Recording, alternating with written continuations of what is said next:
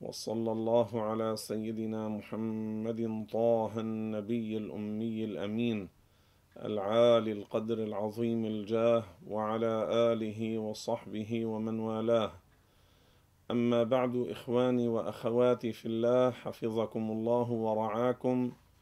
من إرشادات مولانا الولي الصالح الشيخ عبد الله الهرري المرشد الكامل المكمل رحمه الله رحمة واسعة أنه قال الذي يتبع الغضب لا بد أن يهلك. هذه العبارة المختصرة التي حوت من المعاني الكثير هي مأخوذة من أحاديث رسول الله صلى الله عليه وسلم. هي مأخوذة من أحاديث رسول الله صلى الله عليه وسلم. وهذه العبارة من وقف عندها وانتبه لها وتجنب الغضب فإنه يربح ويفوز وإلا فإن الذي يتبع الغضب وتكون هذه عادته فهلاكه عظيم وخسارته كبيرة. ومن الأحاديث التي تشير إلى هذا المعنى بل هذا الحديث هو المرجع وهو الأساس من هذا الحكم وهذا المعنى وهذه العبارة مأخوذة من هذه الأحاديث منها أنه صلى الله عليه وسلم قال للصحابي الذي سأله يا رسول الله كيف أنجو من غضب الله قال لا تغضب لاحظوا وانتبهوا الرسول عليه الصلاة والسلام أعطي جوامع الكلم من قوته صلى الله عليه وسلم ومن فصاحته العظيمة أنه يتكلم بعبارة خفيفة بعبارة موجزة لكن تكون جمعت المعاني العظيمة والكثيرة والنافعة والمهمة. انظروا الآن في هذا الحديث الشريف. هذا الرجل جاء إلى رسول الله صلى الله عليه وسلم يقول يا رسول الله كيف أنجو من غضب الله؟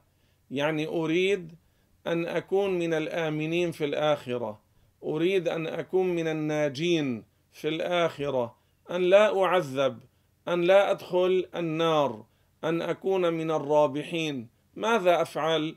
قال لا تغضب إذا انتبهوا لهذه العبارة. قال يا رسول الله كيف أنجو من غضب الله؟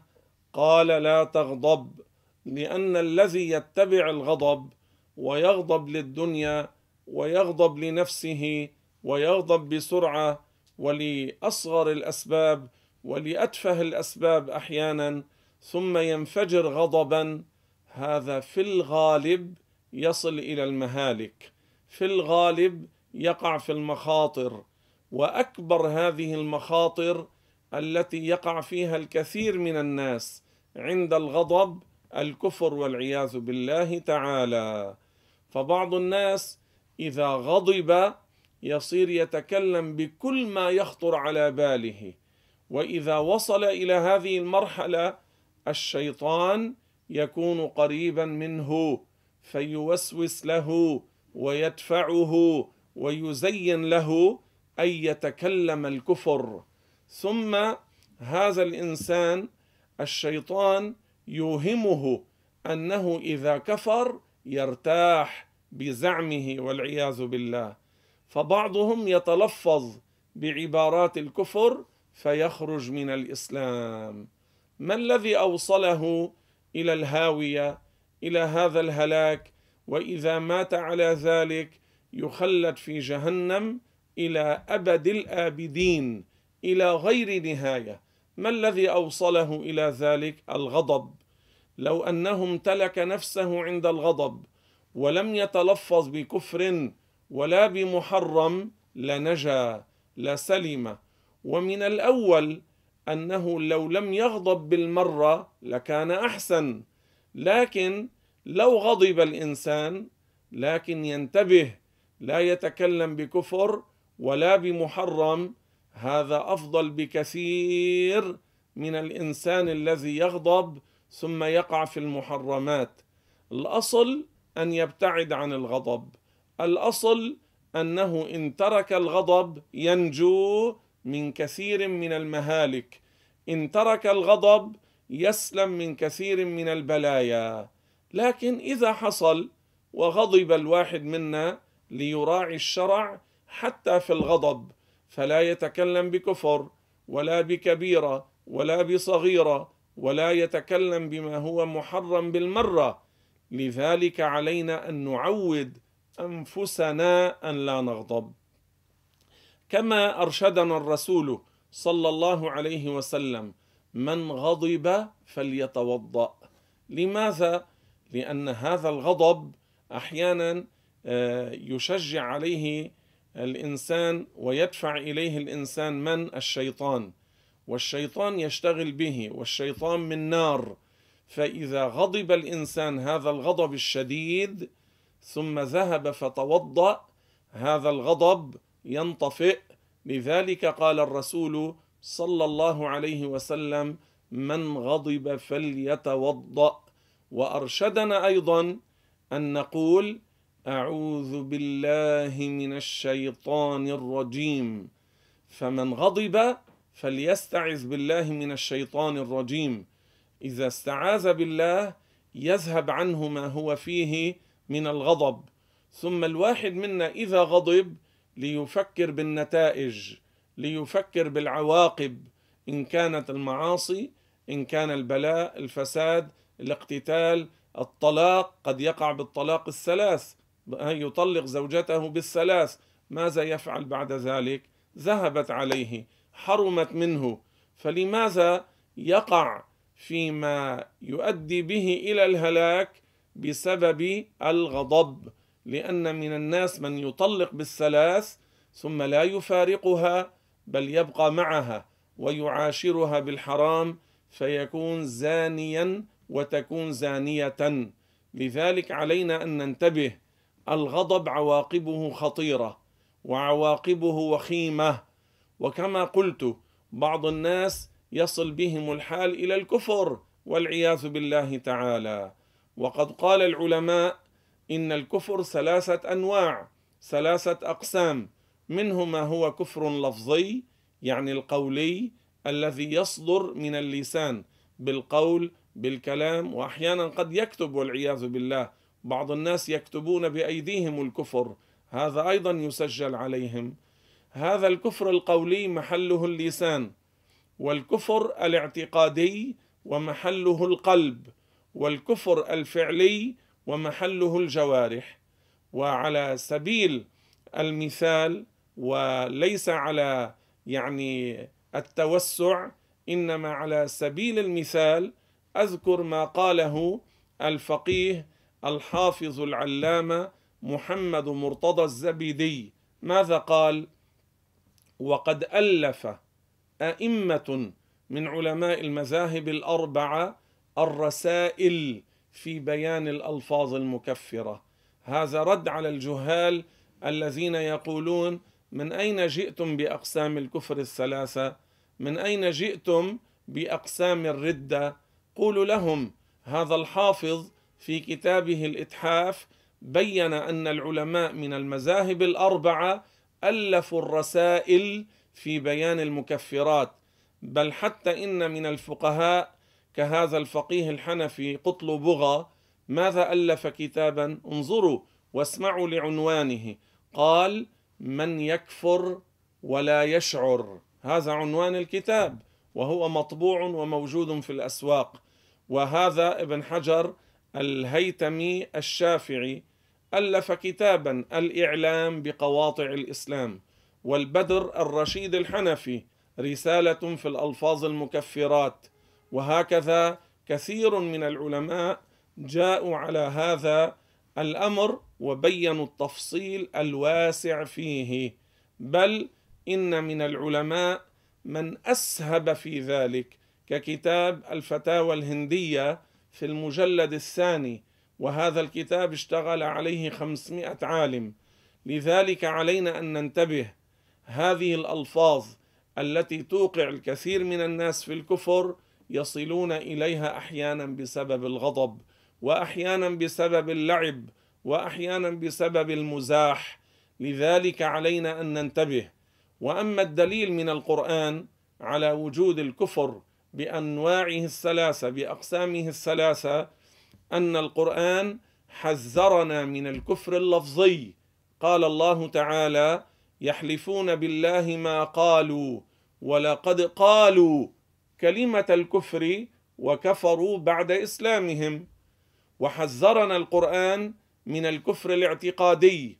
قال الله تعالى إنما المؤمنون الذين آمنوا بالله ورسوله ثم لم يرتابوا.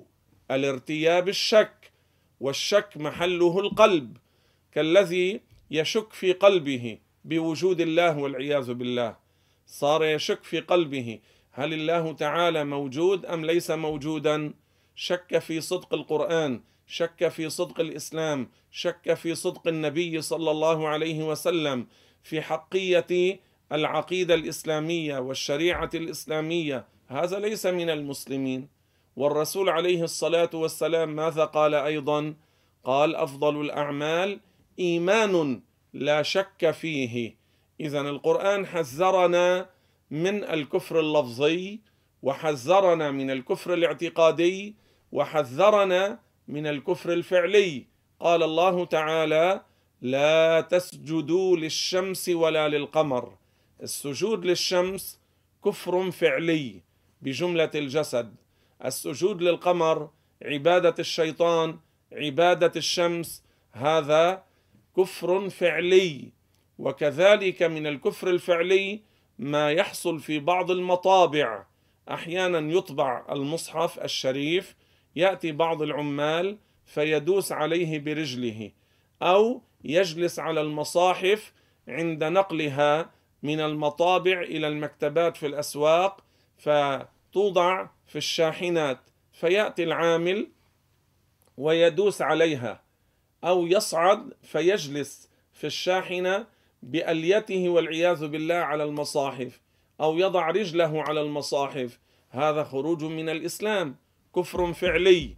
كذلك ما يحصل من بعض الناس يكون في بيوتهم نسخا قديمة من المصحف الشريف أو جزء تبارك أو ربع ياسين أو ما شابه من الأجزاء والأرباع الشريفة.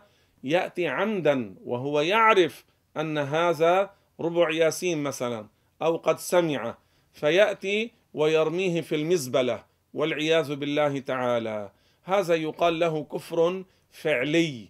كذلك ما يصدر من بعض السحرة لعنة الله عليهم يكتبون القرآن بالبول أو بالغائط أو بدم الحيض أو يكتب أحيانا على العورة المغلظة للمرأة. هذا كفر فعلي ومخرج من الدين والإسلام.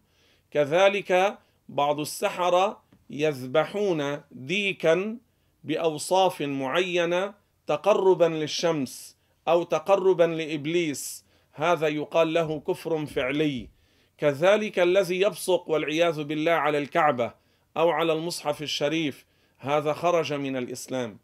وأما من الكفر الاعتقادي كالذي يعتقد أن الله جسم أو جسد أو شكل أو حجم أو هيئة أو صورة أو كمية أو له بداية أو له نهاية أو قاعد في السماء أو جالس على العرش أو أن الله ضوء أو ظلام أو روح أو ريح أو أن الله يتغير أو أن الله يتبدل أو يوصف بالإحساس أو بالشعور أو باللذة أو بالألم.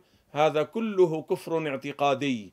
كذلك الذي يعتقد أن العالم أزلي مع الله أو العالم ليس له بداية. هذا أيضا أشرك بربه لأن الله قال الحمد لله رب العالمين فالعالم مخلوق له بداية والله أزلي. قال الله تعالى هو الأول والآخر. الله هو الأزلي الأبدي. أما هذا العالم فمخلوق له بداية. كذلك الذي يعتقد أن الإنسان يخلق أفعال نفسه الاختيارية وليس الله يخلقها. كما تعتقد بعض الفئات الكافرة وإن ادعت الإسلام. وبعض المشايخ الكفار وإن ادعوا الإسلام ولهم مقاطع فيديو يقولون الشر ليس بخلق الله ويقولون الشر ليس له خالق. وهذا تكذيب للقرآن من شر ما خلق وتكذيب للقرآن قل الله خالق كل شيء وتكذيب للقرآن هل من خالق غير الله؟ ومن الكفر اللفظي مسبة الله حاشا أو نبي من الأنبياء أو عزرائيل أو ملك آخر أو القرآن أو الإسلام أو الملائكة أو الأنبياء أو الاعتراض على الله أو تشبيه الله بخلقه ولو بصفة واحدة وهذا كله مخرج من الإسلام. من مات على شيء من ذلك خلد في جهنم إلى أبد الآبدين. كيف توبته؟ أن يتخلى عن الكفر وينطق بالشهادتين ليرجع للإسلام. انظروا إلى عواقب الغضب. هذا بعض عواقب الغضب. قال رحمه الله أي مولانا الشيخ يعني من إرشادات الولي الصالح المرشد الشيخ عبد الله قال الذي يتبع الغضب لا بد أن يهلك. سلمنا الله وإياكم والحمد لله رب العالمين. Ah. Uh -huh.